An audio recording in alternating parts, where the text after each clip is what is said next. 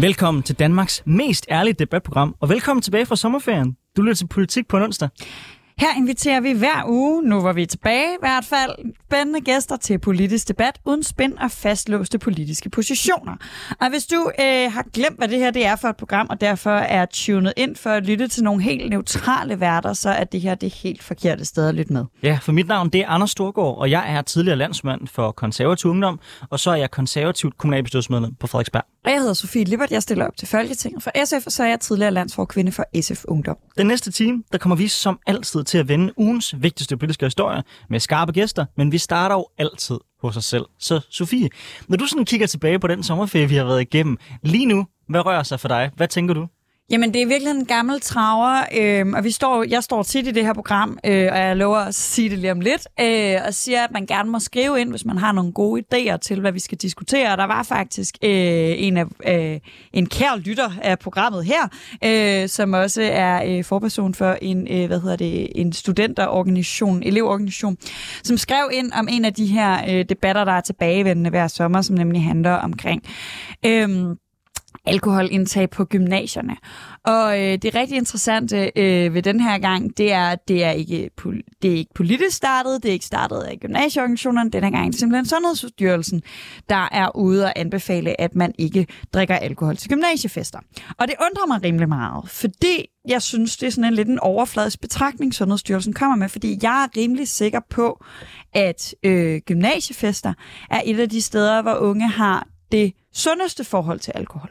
Altså mit indtryk er ikke, at folk særlig ofte drikker sig i hegnet til gymnasiefesten. Mit indtryk er, at folk drikker sig i hegnet før gymnasiefesten og efter gymnasiefesten og til klassefesterne hjemme i forældrenes villa, hvor øh, når forældrene er på weekendtur.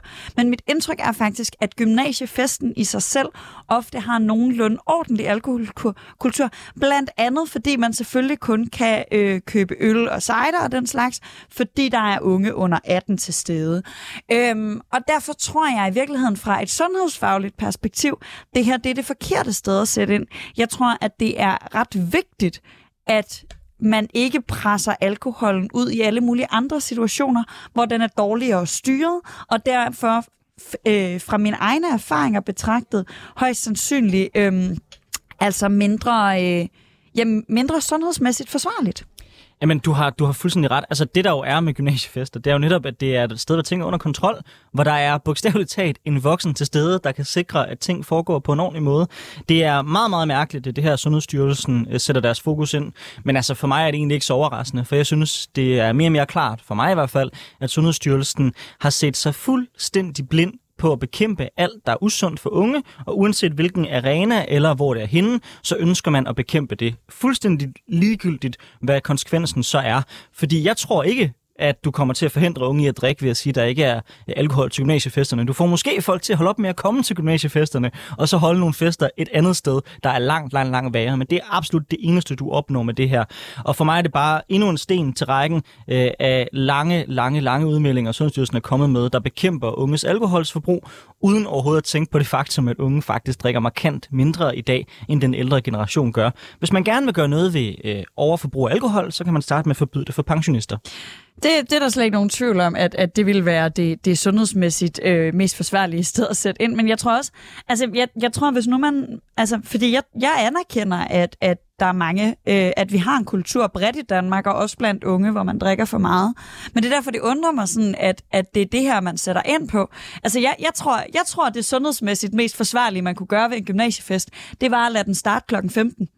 Altså, det var at afskaffe forfest-konceptet, fordi er du sindssygt, man kan drikke meget vodka, for ikke at skulle købe de dyre, dyre øl på gymnasiet, som klart ikke var dyre. Altså, jeg husker det, som om de kostede 25 kroner eller sådan noget.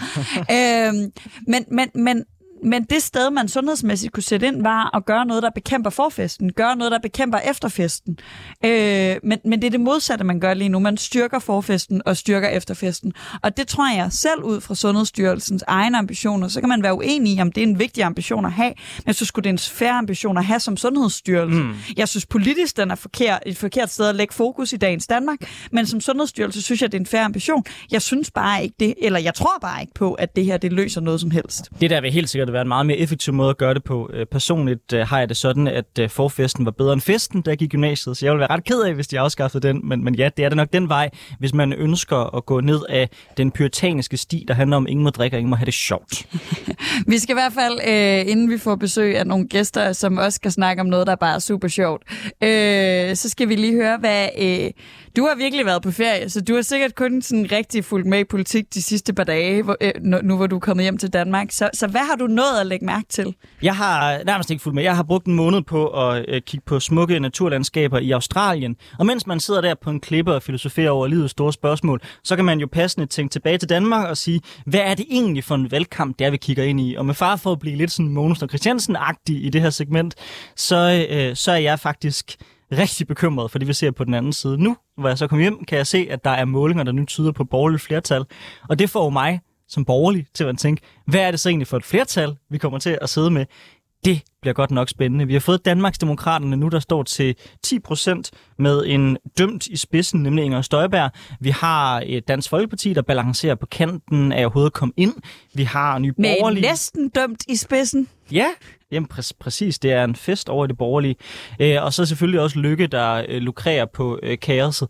Jeg kan simpelthen ikke gennemskue, hvad et borgerligt flertal vil betyde, men jeg er havnet i den lidt ubehagelige situation, at jeg begynder virkelig at håbe på, at Lykke kommer til at blive tunge på vægtskålen, hvis der kommer et borgerligt flertal. Fordi hvis ikke, så bliver det godt nok nogle vilde forhandlinger. Prøv at overveje at være sådan VK og sidde i, i et forhandlingslokale med Dansk Folkeparti, Inger Støjberg og Pille Vermund, og så bare høre dem på skift bare øh, højne prisen og hæve barn, eller rettere sagt sænke den i forhold til, hvordan vi kan øh, tale og behandle andre mennesker. Øh, det bliver godt nok nogle voldsomme forhandlinger øh, i, i så fald omkring både vores udenrigspolitik, men i virkeligheden også mange andre grundlæggende ting, som jeg synes er afgørende. Så det, jeg håber på, det er en styrkelse af Centrum Højre, og at øh, hvis der bliver borgerligt flertal, så lad os da for guds skyld være bundet fast til en pæl, der er omkring midten. Så det eneste pres, vi oplever som Centrum Højre, det ikke kun kommer fra det yderste højre. Altså, jeg håber jo bare grundlæggende ikke på et borgerligt flertal. Det tror jeg, om det er så lige meget, hvor centristisk det borgerlige flertal måtte være. Men jeg forstår din bekymring, og jeg anerkender... Altså, jeg, jeg, jeg synes, det er ekstremt skræmmende, øhm, og jeg synes også, det er... Øhm, altså, der er noget i min sådan... Øh, hvor vil jeg gerne starte den her sætning. Når man er venstreorienteret, så øh, på den måde, jeg er det, øh, når man er SF'er, så bliver man nødt til at have en ukulig optimisme på demokratiet. Man bliver nødt til at tro på, at mennesker vil hinanden det bedste, og at det er det, de stemmer efter, og at de interesserer sig for at vi skaber et bedre samfund. Det tror jeg, sådan tror jeg, alle, der er aktive i politik, er. Jeg har en ukulig optimisme på, at, at sådan er alle mennesker. Øhm, og, og problemet er, at når hver tiende dansker vil stemme på et Danmarksdemokraterne Inger Støjberg-parti, som indtil videre kun har to kandidater, Inger Støjberg og Peter Skårup, øh, og som derudover ingen fremlagt politik har. Vi ved ikke andet end, at hun mener, vi ved, hvad hun vil. Øh, og, og, og det kan jeg mærke, det rammer sådan et eller andet dybt i min sådan, demokratifølelse af, hvad der kommer til at ske ved det her valg. Og det det, det er sgu svært at stille op til, fordi hvad er det også for et folketing, jeg stiller op til lige nu? Det er ikke et folketing, hvor jeg kan forvente enten at være i øh, støtteparti slash regering eller opposition til, til et projekt, jeg forstår. Det er et folketing, hvor alt pludselig er oppe i luften, øh, og hvor, hvor de sådan, gængse spilleregler, øh, som vi har haft de seneste mange årtier, jeg er med på 70'erne, så også sådan her ud, men de sidste mange årtier har man, man haft nogle spilleregler, som pludselig er i opbrud her, øh, med, med jamen jeg vil knap kalde det partier, men i hvert fald opstillingslister som Danmarksdemokraterne. Og så vil jeg også sige, at det værste ved den situation, du måske kommer til at befinde dig i, det er det også samtidig, at Folketinget uden bremser. Altså øh, med det, vi har set i forhold til min kommissionen, øh, det faktum, at embedsmændene ikke indtil nu har modtaget nogen konsekvens, det faktum, at de radikale så har valgt valgvejen frem for rent faktisk at tage en politisk konsekvens, øh, det synes jeg er, er, er ret bekymrende. Fordi det, vi, det, vi i virkeligheden kommer til at kigge ind i, det er en, et folketing, hvor man tror, at, at magt det giver ret så held og lykke. Øh, og hvis der bliver borgerligt flertal, så held og lykke til øh, de centrum højrefolk i lokalet, der skal kigge på Inger Støjberg, når hun øh, gerne vil bryde reglerne på samme måde, som hun har gjort tidligere, og på samme måde, som Mette gjorde. Der kommer ikke til at være særlig mange normer, der holder, der holder hende tilbage, og det er konsekvensen af den politik, som det nuværende flertal har ført.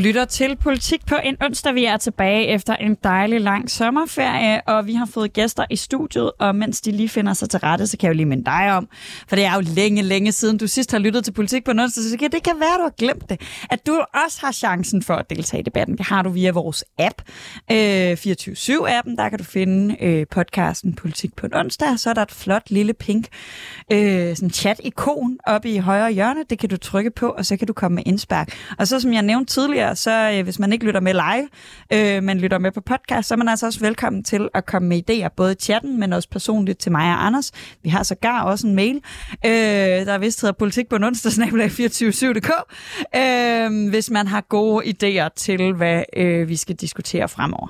Og her i studiet, der har vi fået besøg af, som altid, to fantastisk skarpe gæster. Den første, jeg skal byde velkommen til, det er dig, Emil Sløjt Andersen. Du er fra det radikale Venstre, hvor du er borgerrepræsentationsmedlem i København og medlem af børne- og ungeudvalget. Ja. Øh, vi spørger altid folk, når de kommer ind i det her studie, hvad der sådan har fyldt noget for dem i ugen, der er gået. Når de sådan åbner deres apps eller deres aviser, afhængig af, hvordan man lige er med sådan noget, øh, hvad er det så for nogle historier, de har lagt mærke til? Nu har du haft en lang sommerferie, ja. men altså, hvad er de største spørgsmål for dig lige nu i dansk politik? Ja, men jeg holder øje med, og jeg er glad for, at der er kommet mere fokus på folkeskolen. Nu er skoleeleverne lige kommet i skole igen, og man har en diskussion om, at øh, der ikke er tilstrækkeligt med lærer til dem. Så det synes jeg jo er positivt. Det holder jeg meget øje med. Så holder jeg øje med, hvad de forskellige øh, partiledere sådan lægger frem. Altså, så, som flere har sagt, så er valgkampen allerede i gang. Og så må jeg jo bare indrømme på, på godt og ondt, at, at normstormeren, det, det fylder også meget for, for mig som børne- og ungdomsordfører. Og det kommer vi til at dykke meget mere ned i, i det her program. Øh, men folkeskolen generelt, mener du, der har været for lidt fokus på folkeskolen øh, i de senere år? Jeg kan se, SF nu er ude med store kampagner om netop folkeskolen og folkeskolereformen. Men, men har det fyldt for lidt i de år, vi har, vi har øh, været igennem? Ja, det synes jeg faktisk. Altså i hvert fald nu kan jeg nok sådan især udtale mig som øh, børne- og ungdomsudvalgsmedlem. Der har jeg været i cirka et, et halvt år.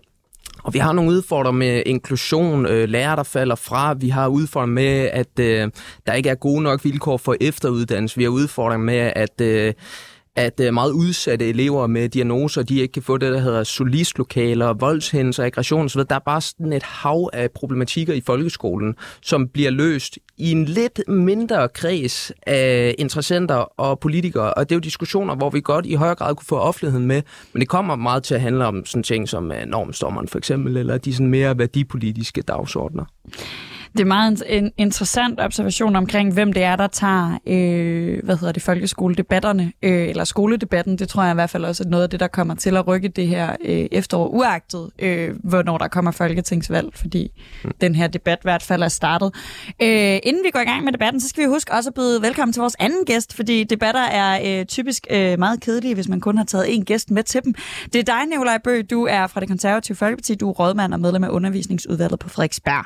Og udover over, at William lidt nok skal vende det her med, med normstormerne, øh, så kunne jeg også godt tænke mig at høre, hvad der sådan fylder for dig for tiden politisk, øh, både sådan kommunalt og nationalt. Ja, nu er jeg jo i den øh, heldige situation, at jeg er folketingskandidat på Frederiksberg, så det optager mig ganske meget med det landspolitiske, og hvornår det her valg egentlig kommer, og hvad det kommer til at handle om. Øh, og der er jo øh, godt gang i, i valgkampen allerede, og det er jo ret spændende, hvad de forskellige politiske, politiske partier de kommer med af, af udmeldinger. Øh, Venstre har haft forskellige ting omkring øh, det boligpolitiske, som er noget, der også interesserer mig en, en hel del, øh, hvor jeg måske ikke er helt på linje, men, men godt, men støtter nogle af intentionerne i det, de har været fremme med. Og, øhm, og nu er de radikale har et større udspil i, øh, i dag i, øh, i politikken, som der også er, er spændende at, at dykke ned i. I næste uge har både Socialdemokratiet og det konservative folkeparti øh, sommergruppemøder, hvor jeg også forventer, at der kommer en del spændende udmeldinger. Så, så det her med, øh, hvornår kommer valget, hvad bliver temaerne osv., osv. det optager mig øh, ganske betydeligt lige nu. Nu er det jo ikke fordi, at jeg forventer, at øh, du vil sådan sladre om, hvad det er, konservative kommer til at øh, fokusere på på deres, øh, eller have udspil, fordi som lytterne kan høre, så er alle i gang med de store udspil. Der er de her sommergruppemøder. Øh, Dansk Folkeparti på sommergruppemøde lige nu. SF tager på sommergruppemøde i morgen. Der er de her, der kommer typisk øh, store politiske udspil i den forbindelse. Øh, og det er ikke fordi, jeg forventer, at du skal afsløre konservatives, men, men hvis man sådan skal se på sådan lidt større på det, fra, fra et konservativt konservativ synspunkt, hvad vil så være den, det fede, det her, den her valgkamp kommer til at handle om? Man snakker tit om, så har man haft et klimavalg, eller et udlændingevalg, eller et skolevalg, eller et børnevalg, eller whatever. Hvad er det for et valg, du drømmer om? Hvad er det, vi, vi helst skal, der skal være sådan on the top of mind, når folk går ind i stemmeboksen, hvis, hvis det skal blive et rigtig godt valg for konservativ? Jamen, jeg tror, for konservativ betyder det meget, at vi, øh, at vi kan snakke om, hvordan vi har indrettet vores, øh, vores velfærdssamfund, og hvad, hvad vi giver af, af valgmuligheder til, til folk på alle mulige lederkanter. Den her regering, vi har nu, har jo ført en meget sådan ideologisk linje, hvor man ikke har været særlig optaget, øh, for at sige det mildt, af det her med, med det frie valg og familiernes frie valg. Altså nu senest så vi det jo med, med den her øh, gymnasievurdelingsaftale, som, øh, som der også har været noget fokus på i den her uge, fordi at gymnasierne er kommet tilbage øh, i skole her i mandags.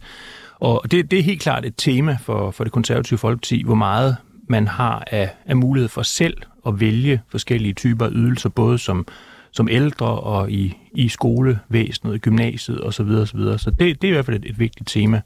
Og så er det klart, at hele det her med, altså Hvordan fungerer dansk politik, og hvad er det, hvordan er det, at vi, vi håndterer vores demokrati? Det, det bliver selvfølgelig også et stort tema i, i lyset af, af mink-skandalen. Øh, Ja, og i forhold til det, så er der også sket en ret stor forskydning i meningsmålingerne. Øh, det talte vi også lige om øh, her i studiet, før I kom ind, at der nu står til enten at blive rent borgerligt flertal, eller et borgerligt flertal med moderaterne over. Og samtidig så noterer jeg mig, at det radikale venstre har friet lidt øh, til de blå, i hvert fald i forhold til den økonomiske politik, med et udspil i dag.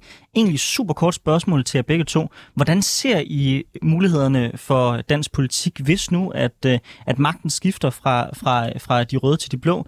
Altså, kan de radikale indgå i et sådan samarbejde, og hvad er mulighederne for at samle, ja, i virkeligheden både Danmarksdemokraterne, Dansk Folkeparti, Nye Borgerlige, Moderaterne, altså det er jo lige frem de mest naturlige legekammerater, der er samlet i det rum. Altså fra borgerlig side, der, der skal man jo ønske sig, at, øh, at der bliver borgerlige flertal uden øh, Lars Løkke, fordi han står det der lidt mærkelige sted i midten.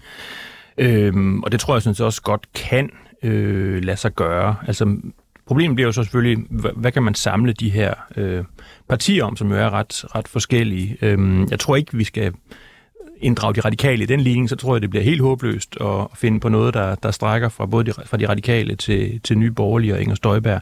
Så øh, som borgerlig, der må, man, der må man håbe, at der kommer et, øh, et rigtig borgerligt flertal. Det, og det, det, det ser ud til godt måske at kunne lade sig gøre i sådan, på en rigtig god dag. Det synes jeg er interessant, at du har det sådan, for jeg har det helt modsat.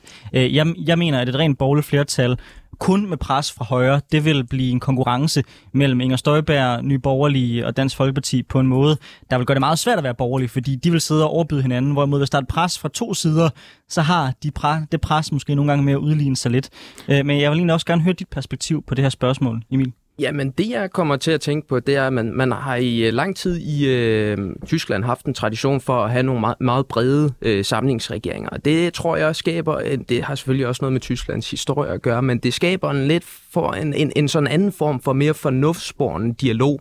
Lidt mere knastør dialog. Der er ikke så meget øh, pop i det, det er måske ikke så enormt interessant at følge med men så så man til gengæld med den nuværende regeringskonstellation, at man laver et øh, regeringsgrundlag, jeg tror det er på en, i nærheden af 1000 sider, eller noget i den stil, hvor man nærmest aftaler 80% af politikken for en regeringsperiode.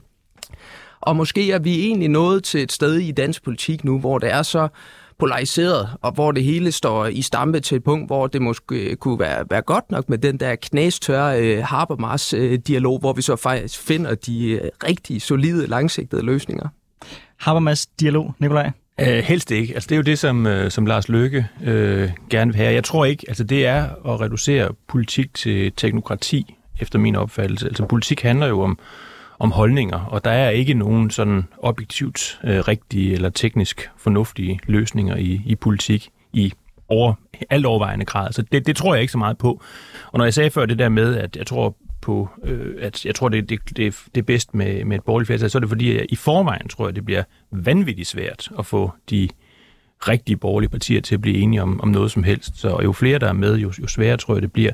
Jeg tror, at hvis man, hvis man vælger sådan en Grosses koalition, som man har haft i, i Tyskland og også i Østrig og også andre lande, så, så, så gør man folk politisk apatiske. Så, så bliver det for uklart, hvad der er de, de reelle politiske forskelle. Det tror jeg ikke er godt for demokratiet eller for det politiske engagement.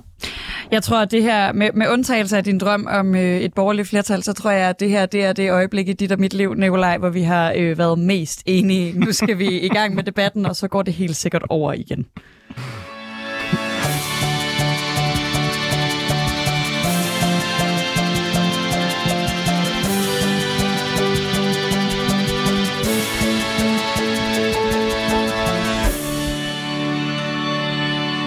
Du lytter til Politik på en onsdag med Anders Storgård og Sofie Libert. Vi har i dag i denne her, de her efterårssæsons første program fået besøg af to gode gæster. Det er Emil Slot Andersen fra det radikale Venstre, som sidder i borgerrepræsentationen i København, og Nikolaj Bø fra det konservative Folkeparti, der sidder i kommunalbestyrelsen på Frederiksberg. Hvordan skal børn undervises i køn, seksualitet og normer? Og bør der være plads til øh, det, som nogle borgerlige debattører har kaldt for venstrefløjsaktivisme i klasselokalet? Det spørgsmål har raset over sommeren, hvor organisationen Normstormerne har været til debat. De borgerlige partier i København har krævet i flere måneder at se undervisningsmaterialet øh, normstormerne bruger, hvilket normstormerne har afvist. Normstommerne har siden 2012 tilbudt undervisning for folkeskoleklasser i normkritik, køn og seksualitet, med det formål at skabe en bedre forståelse for diskrimination og privilegier og undertrykkelse, samt give redskaber til at påtale det. I sidste uge der kom materialet Normstormerne bruger så ud. I det materiale, der er frigivet, der nævnes det, at formålet med undervisning er at synliggøre, at den binære kønsstruktur med to køn ikke er dækkende, og at køn ikke kun handler om det, som er tildelt ved fødslen, samt at synliggøre, at meget få mennesker passer ind i normer for køn, inklusiv cis-personer. Derudover der påpeges det, at det at være hvid, kristen og en mand, øh, samt cis-kønnet heteroseksuel, det er at have en, eller have en funktionel krop, det at være voksen, det er eksempler alle sammen på privilegier.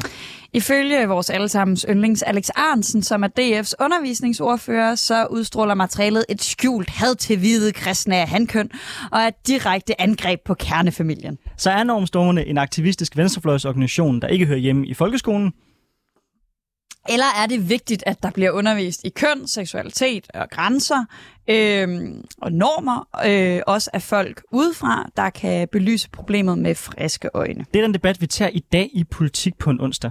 Nikolaj Bøg, du har skrevet, at normstormerne står for en benhård indoktrinering af eleverne ud fra en politisk ekstrem tankegang. Du opfordrer København og Aarhus, fordi så vidt jeg forstår, så bruger I dem slet ikke på Frederiksberg, Jo. øh, til at afbryde samarbejdet med organisationen. Senere der kommer vi til at diskutere lærernes rolle i undervisningen, men først og fremmest så vil jeg gerne høre, hvorfor du synes, det er så problematisk, at eleverne undervises i normkritik. Jamen, det synes jeg jo først og fremmest, fordi at Normstormeren er en, en politisk organisation. Altså, det er en organisation med en, en ganske bestemt øh, politisk dagsorden, som i øvrigt ikke bare handler om køn og seksualitet, men som også handler om, øh, om etnicitet og race og kolonialisme og fedme og mange andre ting, som alt sammen er taget i den der øh, kasse, som vi normalt kalder for identitetspolitik, altså hvor der bliver, altså man, man har en opfattelse af, at der er en masse sådan undertrykkende mekanismer i samfundet, og de, øh, de hænger sammen på en eller anden snedig måde. Det man kalder for intersektionalitet, altså de fede og de øh, brune og de sorte og de øh, transkønnede osv., osv., de er alle sammen undertrykt i sådan et, et, et indviklet system. Og det er jo ikke noget, som har noget som helst med øh, objektiv undervisning at gøre. Det er jo holdninger. Og øh, holdninger skal ikke finde sted i, skal ikke være i, folk, i folkeskolen på den måde, at det indgår i, i undervisningen, sådan som normstormernes øh, aktiviteter de gør. Øh, det skal være baseret på en rimelig sådan objektiv øh, undervisning, og i øvrigt, og meget vigtigt, en, en pædagogik, som er nogenlunde øh, troværdig, altså hvor man har været igennem et, øh, et, et undervisningsforløb som, som lærer, og ikke bare har sine, sine holdninger. Der, der, der, der er lidt to ting i det, du siger her. Jeg, jeg er ret sikker på, at det her med om at være lærer, det kommer vi ind på senere. Øh, vi kommer til at snakke den åbne skole og sådan nogle ting. Men en ting, du siger, som jeg synes er ret interessant, det er det her med, med objektivitet. Fordi i den danske folkeskole, der har vi kristendomsundervisning. Og sidst jeg tjekkede, jeg ved godt, at, at religiøse mennesker bliver enormt provokeret, når jeg siger, at det er en holdning. Men det er i hvert fald en tro. Det er i hvert fald noget subjektivt, øh, om, om kristendommen skulle være bedre end, end islam, eller ingenting, eller buddhismen, eller whatever whatever. Øh, og det underviser vi jo sådan rimelig entydigt, eller altså vi kommer ikke ind og siger, at kristendommen er sandheden, men vi har kristendomsundervisning i stedet for religionsundervisning. Det er vel også en, en om ikke en holdning, så i hvert fald en overbevisning, vi underviser i der. Nej, det er det ikke, fordi kristendomsundervisning er jo netop ikke øh, forkyndende. Altså man underviser i, hvad kristendom er, og hvad, hvordan øh, krist, de kristne fortællinger er, osv., osv., fordi det er en helt central del af vores kultur, men man, man forkynder jo ikke, man opfordrer jo ikke øh, børnene til at tro på Gud og Jesus. Og det er jo der forskellen ligger, fordi normstormerne, normstormerne er jo forkyndende, altså de, øh, de underviser jo i en helt bestemt opfattelse af, hvordan man skal forstå køn og fedme og alle de andre ting, som vi kan se i den her manual, som nu er blevet lagt frem langt om længe, eller er blevet offentliggjort i hvert fald. Emil Søren Andersen, du har kaldt kritikken af normstormerne for, et, for en storm i et glas vand. I en af de cases, der er blevet offentliggjort, der problematiseres det, at den sundhedsplejerske påpeger, at det er usundt, hvis et barn bliver for overvægtigt, fordi det er udtryk for fatshaming. Hvorfor hører sådan nogle eksempler og sådan nogle cases hjemme i den danske folkeskole?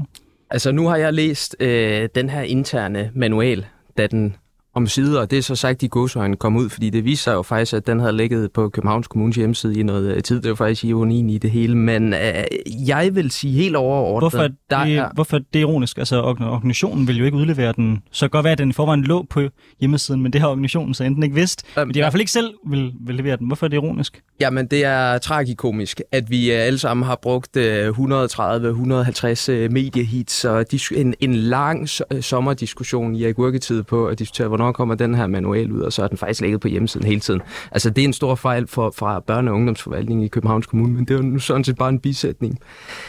Øh, jeg har læst den her manual, og mit overordnede indtryk er, at den er god på flere fronter, fordi man får eleverne til at lave nogle øvelser, der får dem til at reflektere over, hvad normer er. Eksempelvis bliver eleverne jo spurgt, jamen hvad hvis de ser to mænd kysse? Synes I det er uden for normen? Hvorfor synes de egentlig det? Er det ok? Det er sådan noget, man kommer til at reflektere over. Jeg tror, det er nødvendigt at få de her refleksioner i gang, når vi kan se en rapport fra LGBT ungdom, LGBT plus ungdom, at over halvdelen af LGBT plus elever i grundskolen har udført selvskade og haft selvmordstanker. Så det er ekstremt alvorligt, det vi har at gøre med. Her har vi så en organisation, som faktisk 9 ud af 10 lærere, som har brugt dem, normstormerne, faktisk anbefaler. Så har vi på den anden side en øh, debat, der er altså øh, jamen, den er eksploderet i nogle absurde dimensioner i et eller andet omfang. Det er simpelthen nødt til at sige, prøv at høre, jeg har noteret nogle af de der overskrifter, bare mens vi stod her.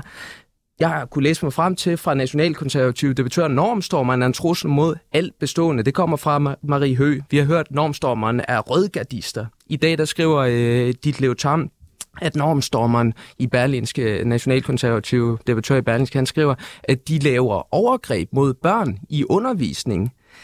Det er eksploderet i en nationalkonservativ gladiatorarena, hvor man fører en, en kønskamp, der er fuldstændig ude af dimensioner med, hvad der foregår i virkeligheden, og som læreren jo faktisk oplever som god undervisning.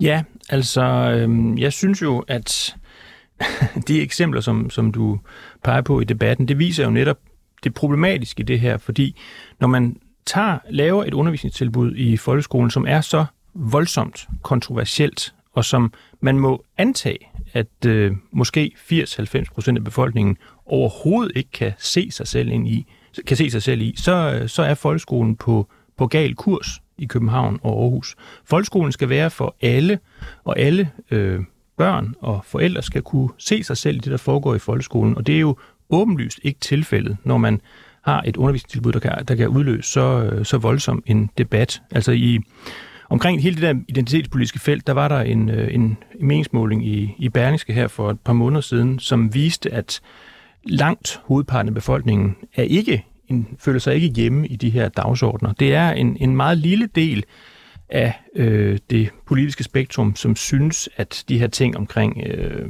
fedme og køn osv., og så videre, at det er, på, det er på samme måde, som normstormerne siger. Og så kan det altså ikke være i folkeskolen. Folkeskolen skal være bred og rummelig og for alle. Den skal ikke kun være for et lille bitte, øh, meget ekstremt øh, kønspolitisk segment.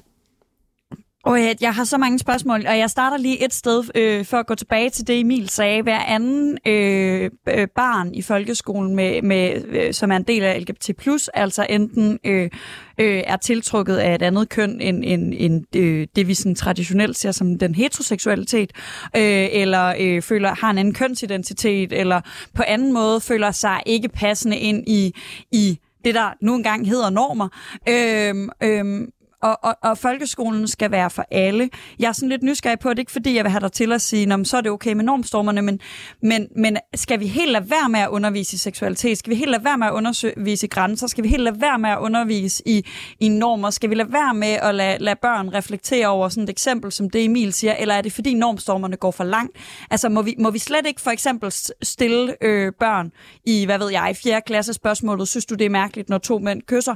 Og så have en debat af, hvorfor man synes det er mærkeligt, hvorfor det ikke er mærkeligt, hvorfor nogen synes det er mærkeligt bagefter. Må man slet ikke udfordre det her i folkeskolen? Jo, det må man da gerne. Altså det, jeg synes, det, det hører naturligt hjemme i seksualundervisningen. Og for mig at se, så, så kan det, det kan, vi kan sagtens snakke om, at seksualundervisning skal øh, være bedre og fylde mere og så videre, og så videre. Om det lige skal være fra, fra 4. klasse, det skal jeg ikke kunne øh, lige tage stilling til. Det synes jeg måske lyder lidt tidligt.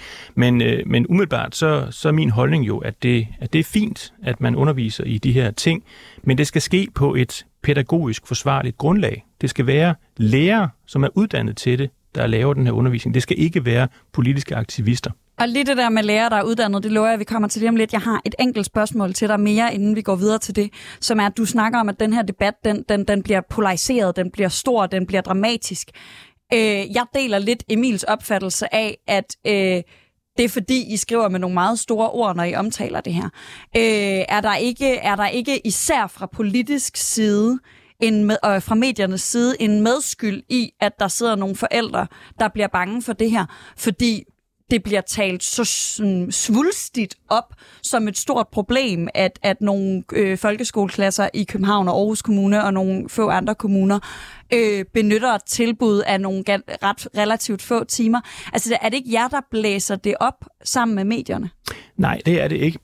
altså vi, vi taler om en organisation, som har fået over 7 millioner kroner af Københavns Kommune til at undervise, som støtter den hudfarveopdelte Nørrebro Pride, som mener, at fedme ikke er et sundhedsproblem, men en, noget, der man, man er udsat for en fordom, hvis man får at vide, at man skal tabe sig, som synes, det er fint at smide øh, den her meget omtalte byste af Frederik den 5. i Københavns Havn, som mener, at køn ikke er noget biologisk, men noget, der er tildelt ved fødslen, som man siger, og en hel masse andre ting ud fra det her identitetspolitisk overdrev, som meget, meget få mennesker i virkeligheden kan, kan se sig selv i.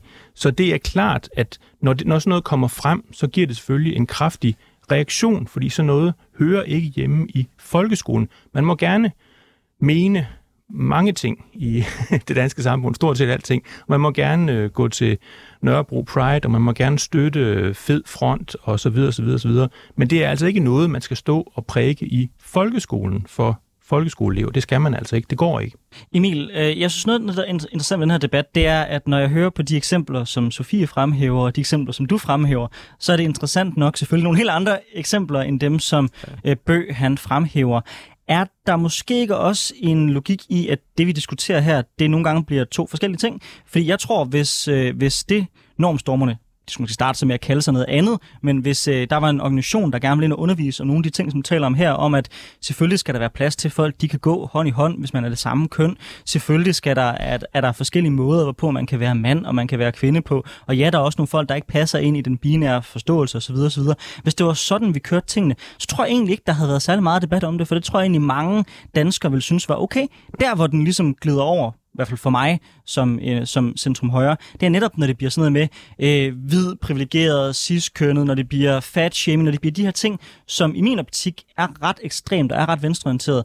Så hvorfor så ikke indskærp over for eksempelvis normstormerne, at, at de ting må de gerne kæmpe for politisk uden for klasselokalet, men i klasselokalet, der holder vi altså også til de her andre emner? Jamen, det kan vi også øh, sagtens tale om. Jeg øh, mener, at vi øh, skal passe på som politikere, det har vi også lært fra folkeskolereformen, at have fingrene alt for meget inde i undervisningen i, folkeskolen, fordi det er altså skoleledelsen, og det er lærerne, som er mest kompetente til at vurdere det her.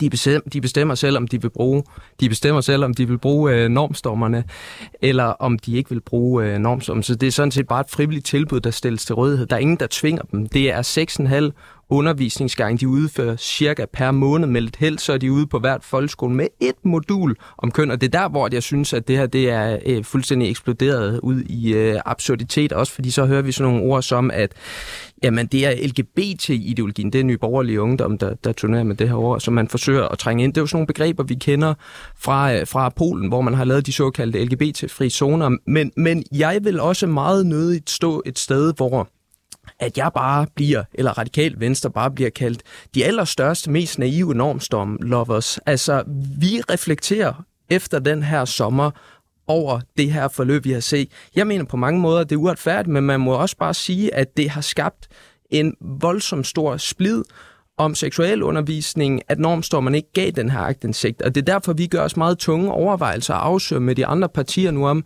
hvordan kan vi gøre det her fremadrettet på en god måde, så vi får mest mulig offentlighed, øh, sådan så vi får øh, så neutral undervisning som overhovedet muligt, eller i hvert fald, at, at det er sådan relativt tydeligt klassificeret, hvis det er en organisation, der så kommer ind med holdninger, fordi det synes jeg godt, sådan set godt, den må være. Jeg tror så ikke, den kommer ind med så mange holdninger i undervisning i praksis, som gør det til, når jeg ser på den manual, men man har fundet nogle eksempler, som man, som man bare har, har, har strukket som en dej ud til, til intethed, for at det kunne fremstå så absurd, som man vil.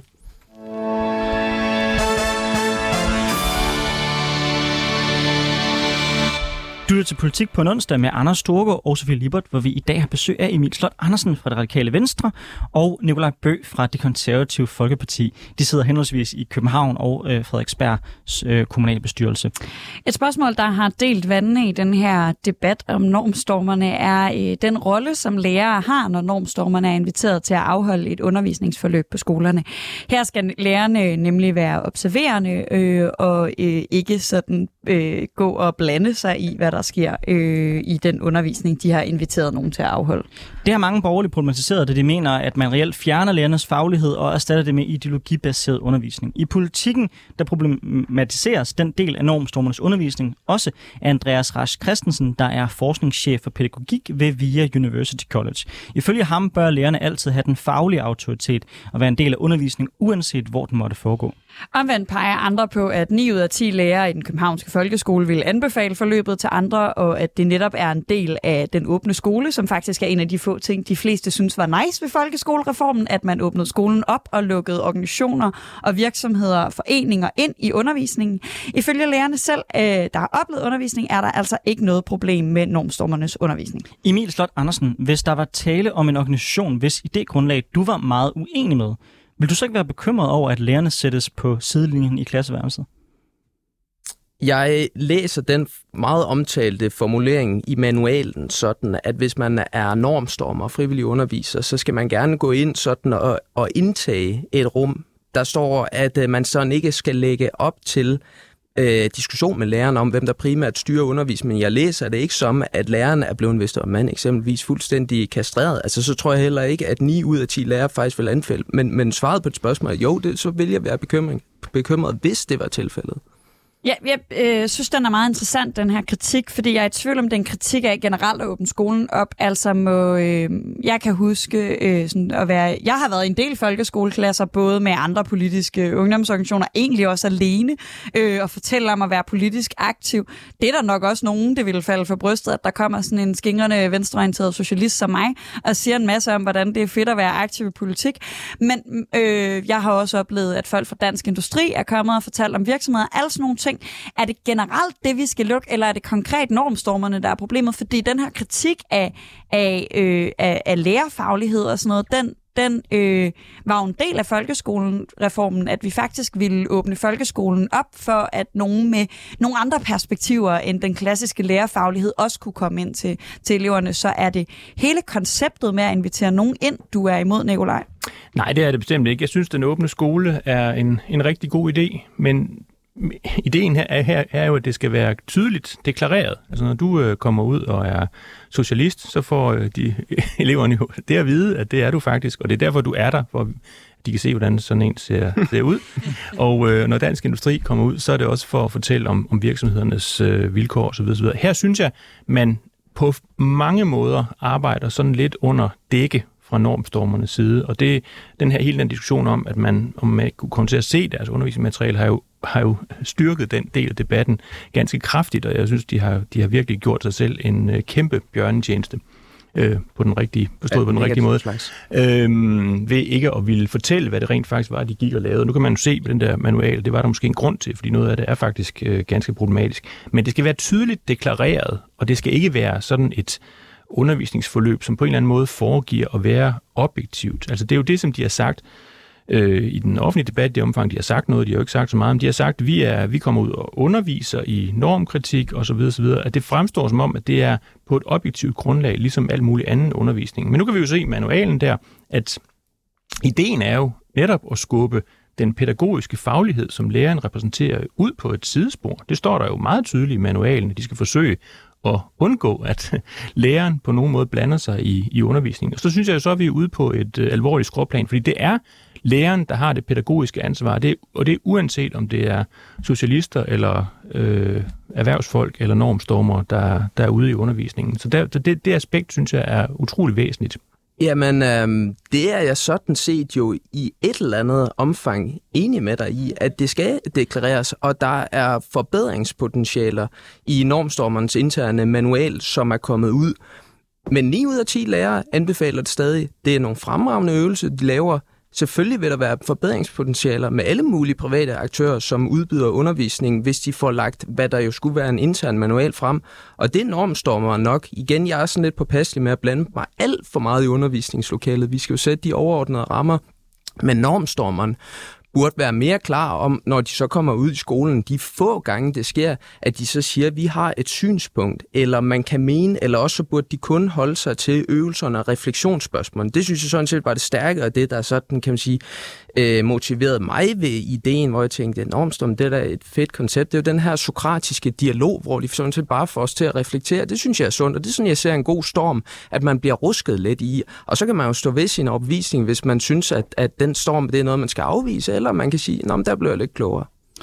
Emil Søren Andersen, altså øh, en, af, en af de lærere, der har været utilfreds med øh, den måde, som undervisningen er foregået på, er jo faktisk gået i pressen og har fortalt om den rolle, hun følte, hun havde som lærer i den position. Hun blev placeret nede bagerst, øh, og hun oplevede, at enormstormerne blev øh, faktisk næsten decideret vrede på eleverne, øh, hvis de prøvede at udfordre den præmis. Øh, er det et problem også eller hvad tænker du? Jeg var klar over, at hun ikke repræsenterer alle. Hun repræsenterer tydeligvis en minoritet.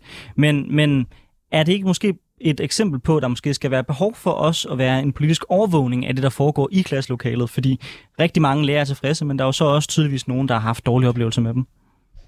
Øh, jeg, skal, jeg skærer mig, det er et godt spørgsmål. Jeg skærer mig lidt på formuleringen af, at der skal være politisk overvågning af det, der foregår i klasselokalet. Fordi så er jeg simpelthen bange for, at øh, det bliver, øh, hvad kan jeg sige, kun undervisning i maskernnormer, hvis det sådan er de nationalkonservative, der sidder med, med magten, at vi får sådan pendul undervisningslokale, alt efter hvem der sidder med magten nationalt. Amen, amen, vi er, vi er vel enige om, at Men, din rolle trods alt også som politiker er at sørge for, at hvis der er nogle folk, der kommer ind og prøver at presse eleverne til at mene nogle specifikke mm. ting, så er det vel også politisk ansvar at sikre, at øh, debatten er fri og åben i vores folkeskole? Ja, vi skal reagere på et overordnet plan og sætte fornuftige rammer, så derfor skal vi kigge meget grundigt på, hvordan vi styrker seksualundervisning og også lærernes kompetencer og forsikret offentlighed, sådan så vi ikke får de her meget øh, mudrede debatter. Det vil være rigtig gunstigt. Lige præcis i forhold til det eksempel der med en enkelt lærer, øh, det var et eksempel, der kom frem på Facebook, men det lyder da rigtig ubehageligt, det der var sket lige i, i den undervisningssession. Jeg vil sige, det tror jeg lige så vel kunne være sket på, på et besøg på en øh, hønsegård. Altså, undskyld mig, der findes ubehagelige mennesker overalt, så det, det er frivillige kræfter, vi har at gøre med her,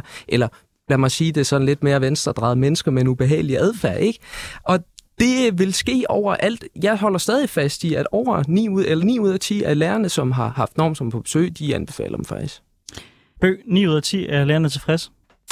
Ja, det kan godt være, men, øh, men, men det, det synes jeg, det, det gør ikke, at jeg ændrer holdning. Altså jeg synes, at, at jeg ved, nu ved jeg ikke lige, hvordan den der undersøgelse med de 9 ud af 10 lærere er, er lavet, men jeg synes, at, øh, at lærerne er nødt til at selv at stå på mål for, at det er dem, der har det pædagogiske ansvar. Jeg synes jo, den der, det her eksempel, vi har ikke hørt fra mange lærere. Vi har hørt fra, fra en enkelt, som har, som har skrevet om sine oplevelser på Facebook, og de er jo relativt øh, dårlige. Og det der er jo også det interessante, ud over det her med, at, at det jo rent faktisk foregår sådan, at hun bliver forsøgt skubbet ud på sidelinjen i undervisningen, så er det interessante jo også, at det, som bliver konflikten i den her undervisningssituation, det er netop det her øh, fat-shaming, altså at de her normstormer derude, de, øh, de bliver vrede på eleverne, fordi eleverne øh, synes, at fedme er et sundhedsproblem.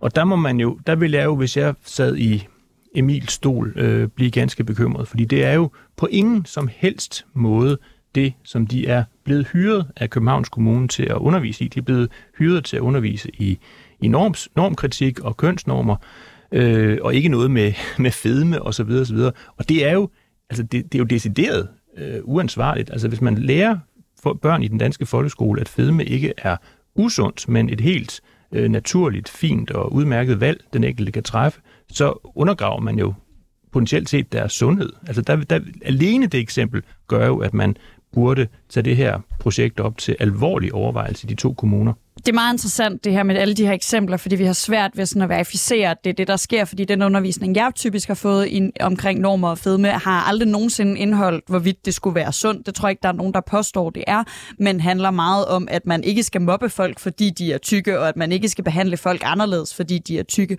Men jeg har lige en, en, en lille ting, øh, jeg, jeg får lyst til at, at, at spørge dig om, Nikolaj, fordi du bliver ved med at sige det her med lærernes faglighed. Så jeg, som jeg forstår normstormerne, så er det jo lærerne selv, der vælger, om de vil invitere sælger dem derud. Altså, det er jo, lærernes, det, det er jo ikke sådan, at der kommer nogen og siger, Birgitte, nu skal du have besøg af normstormerne, og de kommer til at råbe af dine elever og sætte dig ned bag klassen. Øh, og det, selvfølgelig vil nogen have ubehagelige oplevelser, som, som Emil peger på, og nogle gange går ting galt og alt sådan noget. Men, men, men er vi ikke enige om, at det er lærernes egen faglige vurdering, at de vil have besøg af de her normstormere? Jo, det er det. Men der synes jeg jo så også, at man som kommunalpolitiker må tage det ansvar på sig, som hedder, at man laver rammerne for folkeskolen, for hvad der skal foregå Så så er den der faglighed ikke så vigtig længere? Jo, det synes jeg, men altså, jeg tror, at, at der, er, der er nogle uh, lidt underlige ting på, på spil her. Altså, jeg, jeg ved ikke rigtig, hvad, hvad der er baggrunden for, at, uh, at så mange lærer åbenbart synes, det er, det er et godt tilbud. Fordi hvis jeg var lærer, ville jeg også selv synes, at, øh, at min faglighed den var udfordret den måde, som normstormerne selv beskriver deres, øh, deres undervisning på. Men det, det, det ved jeg ikke så meget om. Det, det, skal jeg ikke, det kan jeg ikke gå, gå meget mere ind i. Men jeg synes, man skal tage det politiske ansvar og sige, at det, her, det, det er altså ikke noget, der hører hjemme i, i folkeskolen.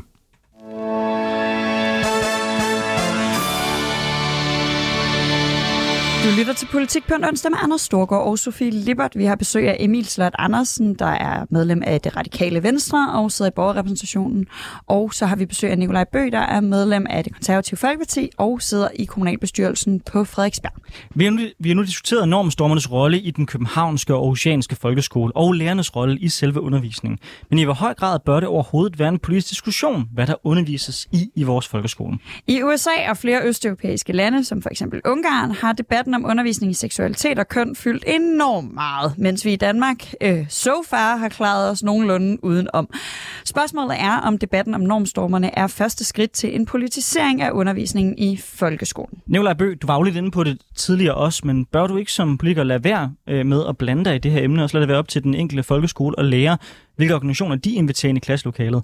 Er det ikke en problematisk glidebane, hvis politikere begynder at blande sig i selve undervisningen? Nej, altså jeg synes, der er stor forskel på den måde, som den åbne skole i almindelighed fungerer på, og som den for eksempel fungerer på på Frederiksberg, hvor man har nogle sådan klart deklarerede øh, gæstelærer ude og forskellige forløb, som, som, som skolerne kan, kan vælge.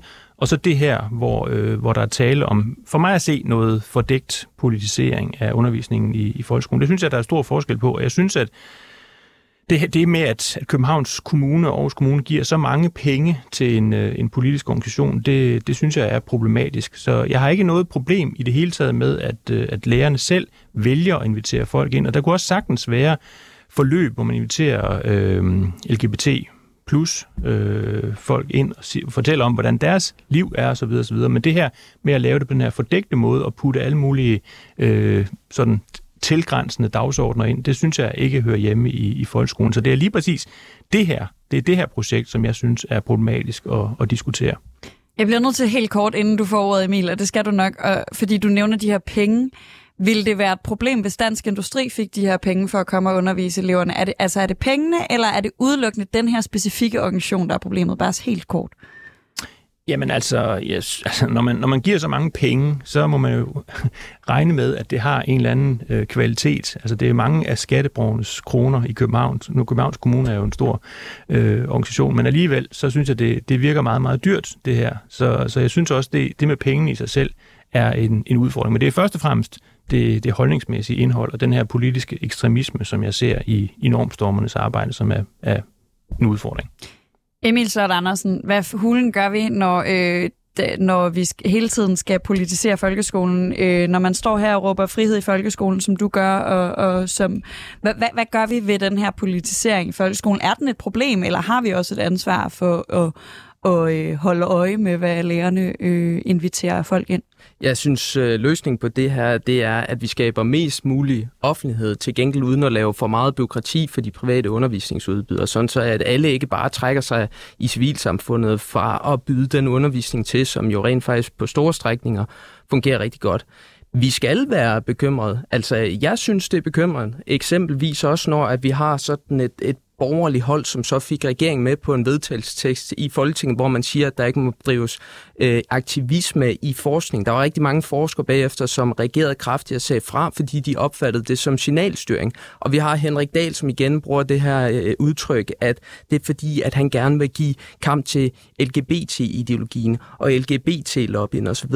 Og der bliver jeg ret bekymret, når vi så samtidig kan se, nu synes jeg sådan set ikke, at Nikolaj Bø øh, taler fuldstændig ufornuftigt. Dansk kado skal han da have, men når jeg kan se sådan en som, som Christian Vigelius i, øh, i Berlinske formand for konservativ ungdom, som siger, at opgør med kønsnormer er skadelig. Og når Nikolaj Bø så alligevel også siger, at det er for farligt, sådan hører det i hvert fald, at der er nogle ulemper ved at diskutere kønsidentitet, fordi så bliver vi alle sammen sådan rådvildt som individ. Så må jeg bare sige, jeg synes, vi kan blive enige om, at der er to biologiske køn, så er der nogle ganske få tvekønnede personer, men den ungdomskultur, vi har i dag, det er en kultur, hvor at vi faktisk ikke nødvendigvis hæfter så meget op på vores biologiske køn, men hvor man har forskellige kønsidentiteter i et eller andet omfang. Og det begrebspar kunne jeg godt tænke mig at introducere, fordi jeg tror simpelthen, vi kan applicere det bedre på den moderne danske ungdom, og vi kan rumme den bedre på den måde. Ja, Altså, det, det, er jo, det er jo en stor debat, det her, fordi det handler jo om, om lidt nogle andre ting end, end normstormerne også. Altså, jeg synes jo i bund og grund, at, at normer er et gode i et samfund, så derfor synes jeg heller ikke, at normstormerne de gør sig selv nogen stor tjeneste ved at have det navn, som, som de har. Øh, det er jo også en norm, efter min opfattelse, i det danske samfund, at vi er tolerante og rummelige over for, for mennesker, som ikke ligner os selv. Og den norm kan man givetvis også sagtens styrke i den danske folkeskole. Det, det ser jeg ikke noget som helst problem i. Men hele den der tanke om, at man skal øh, hvad skal sige, altså gøre, gøre spørgsmålet om de to køn til, til sådan et, en slags frit valg og noget, som alle børn på en eller anden måde skal forholde sig til, det synes jeg ikke er fornuftigt. Altså, og det, jeg mener heller ikke, at det ud fra et sådan objektivt grundlag er noget, der på nogen måde er behov for. Altså noget af det, som vi jo ved om, øh, om køns normer og kønsopfattelser, det er jo det her, som kom frem i projekt, projekt Sexus i 2019, hvor der var en masse videnskabsfolk, som, øh, som undersøgte, hvordan danskerne havde det med deres køn og deres seksualitet. Og der viste det sig jo faktisk, at øh, 99,4 procent af danskerne, de identificerer sig med deres biologiske køn. Så hvis det her det handler om at sige til folkeskoleeleverne, at der er utrolig mange køn, og I kan vælge lige, hvad I vil og sådan noget, så tror jeg, at man gør dem mere forvirret, end godt er. Det er ikke det samme, som at man ikke skal forsøge at øge tolerancen over for dem, det lille bitte, bitte, bitte mindretal, der har det anderledes end det. Emil Slot Andersen og Nikolaj Bø, tusind tak, fordi I var med i programmet i dag i en faktisk ret nuanceret debat, synes jeg, taget betragtning af, hvor vildt det er gået amok på Twitter her over sommerferien. Så tak, fordi I var med, og tak, tak fordi I øh, gjorde vores lytter klogere på jeres standpunkter. Vil man høre mere politisk debat, så kan man altid finde alle afsnit af Politik på en onsdag på sin foretrukne podcast-platform. Vi anbefaler altid, at man bruger 24-7-appen, for så kan man også sende os en sød lille chat ved det pink chat -ikon.